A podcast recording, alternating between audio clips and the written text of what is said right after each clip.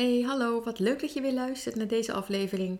Mijn naam is Esmeralde Hubner van Praktijk Connectie en met mijn podcastafleveringen hoop ik jou te voorzien van tips en inspiratie om jouw zelfliefde te vergroten en meer zelfliefde te voelen. De helft van het jaar is voorbij. Tijd dus voor een reflectie. Waar sta je nu? En hoe gaat het met je intenties, met je dromen, je doelen en de verlangens die je had begin dit jaar? Ik pak mijn intenties van begin dit jaar erbij en ga wat vragen aan mezelf stellen. Pak eventueel pen en papier erbij en schrijf mee met de vragen. En ik beantwoord de vragen zelf ook. Zo wordt het wat persoonlijker en niet een opsomming van een paar vragen. En wellicht doe je wat inspiratie op. En natuurlijk zijn er honderden andere vragen die jij jezelf kunt stellen. Ik heb er nu wat uitgekozen. Daar gaan we. Vraag 1. Wat is tot nu toe een belangrijk thema geweest de afgelopen half jaar? Voor mij is dat tijd voor mijn gezin en vinden van rust en balans. Wat was de grootste uitdaging afgelopen half jaar? Nou, voor mij was dat al heel lang en nog steeds wel een beetje om niet honderd dingen tegelijk te willen doen. En af en toe gewoon niks doen. Ik moet zeggen dat ik daar wel veel beter in ben geworden. In af en toe gewoon niks doen. Ehm, maar ik, ik, ehm, ja, ik doe heel graag heel veel dingen tegelijk. Maar uh, dat geeft ook onrust, dus dat is niet altijd even handig. Waar sta je nu met je doelen of intenties? Wat heb je bereikt? Waar ben je trots op? Um, en wat heeft geholpen om dit te bereiken? Nou, er zijn meerdere vragen. Mijn doelen voor 2021 waren vooral gericht op het laten groeien van mijn bedrijf. En door twee grootste verdrietige gebeurtenissen vorig jaar, uh, namelijk het overlijden van mijn oma en een crisissituatie rondom mijn zoon, is mijn focus heel ergens anders komen te liggen. Namelijk op mijn gezin, het creëren van een fijne thuissituatie waarin iedereen zich ontspannen kan voelen en waar harmonie heerst. En dat was eerst al zo, alleen door die gebeurtenis rondom mijn zoon stond ons hele leven op zijn kop en we voelden ons alle vier niet goed. Dus 2022 is voor mij het jaar van licht. Ik kies ieder jaar een woord uit waar ik mee wil werken. Um, vorig jaar was dat bijvoorbeeld focus en nu dit jaar 2022 is het licht. En daarmee bedoel ik lichter leven, dus simpeler.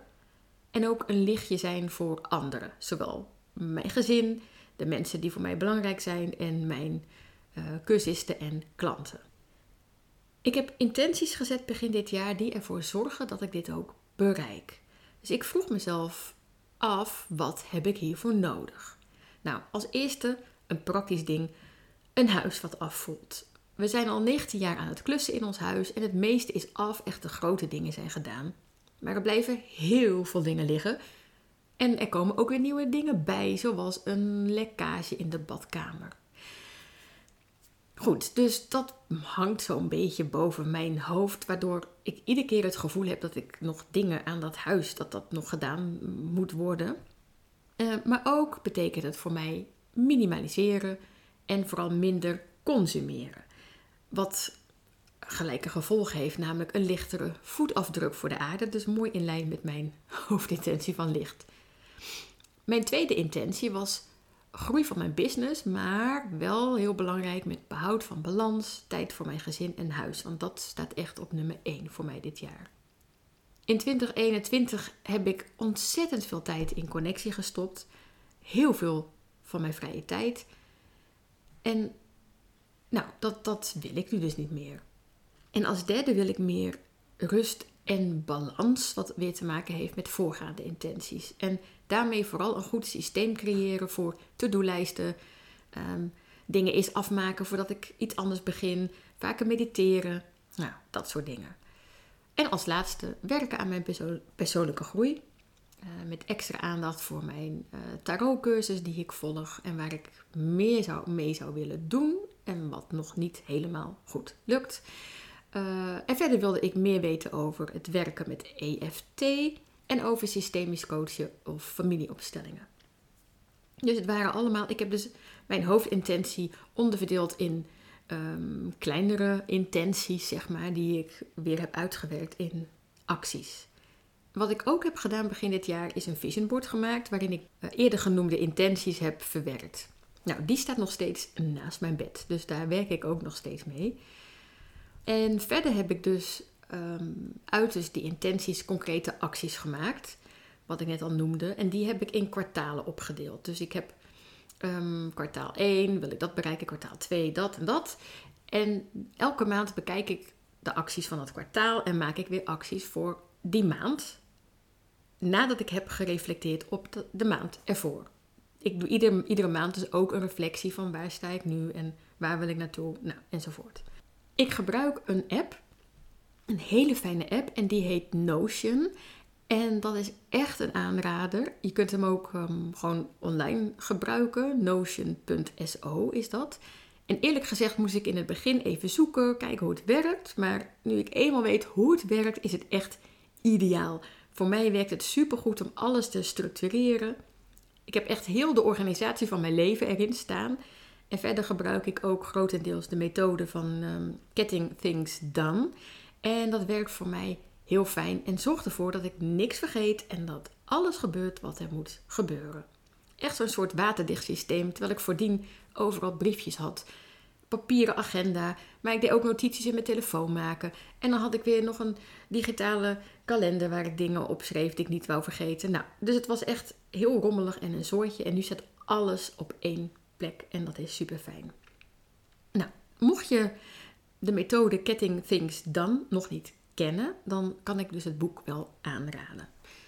Oké, verder met de reflectie op afgelopen half jaar. Waar is het niet gelukt met je doelen? Wat zat in de weg? Nou, wat bij mij niet is gelukt, is het aantrekken van meer één op één klanten. Dat had ik graag gewild. En de reden waarom dat niet is gelukt, is omdat ik er niet zoveel voor heb gedaan. Ja, zo simpel kan het zijn. Zonder actie gebeurt er ook niet zoveel. Zijn er doelen die niet meer goed voelen? Doelen die je niet meer wil behalen, die niet meer belangrijk zijn of die je wilt doorschuiven naar volgend jaar? Ja, voor mij voelen mijn intenties nog heel goed. En het is belangrijk om goed bij jezelf te voelen of je nog op één lijn zit met je intenties. Want jij kunt veranderen, de mensen om je heen veranderen, de situatie kan veranderen, waardoor er misschien andere dingen veel belangrijker voor je worden dan die eh, in het begin van het jaar waren. Dus stel dat een doel gewoon niet meer zo goed voor jou voelt, ehm, of dat je hem wilt doorschuiven bijvoorbeeld, dat is ook prima. Is er misschien een nieuw doel of verlangen of intentie dat je juist wel wil komend half jaar? Nou, voor mij is dat er niet, maar misschien is er voor jou dus wel iets wat je wil oppakken. Hoe wil jij je voelen komend half jaar en wat is daarvoor nodig? Ik wil mij nog krachtiger voelen.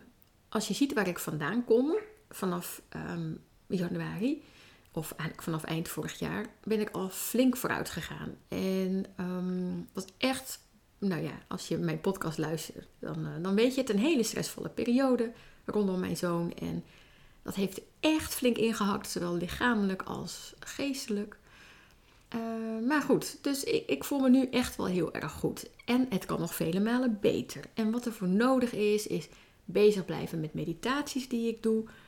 Ik doe ook zelfhypnose technieken.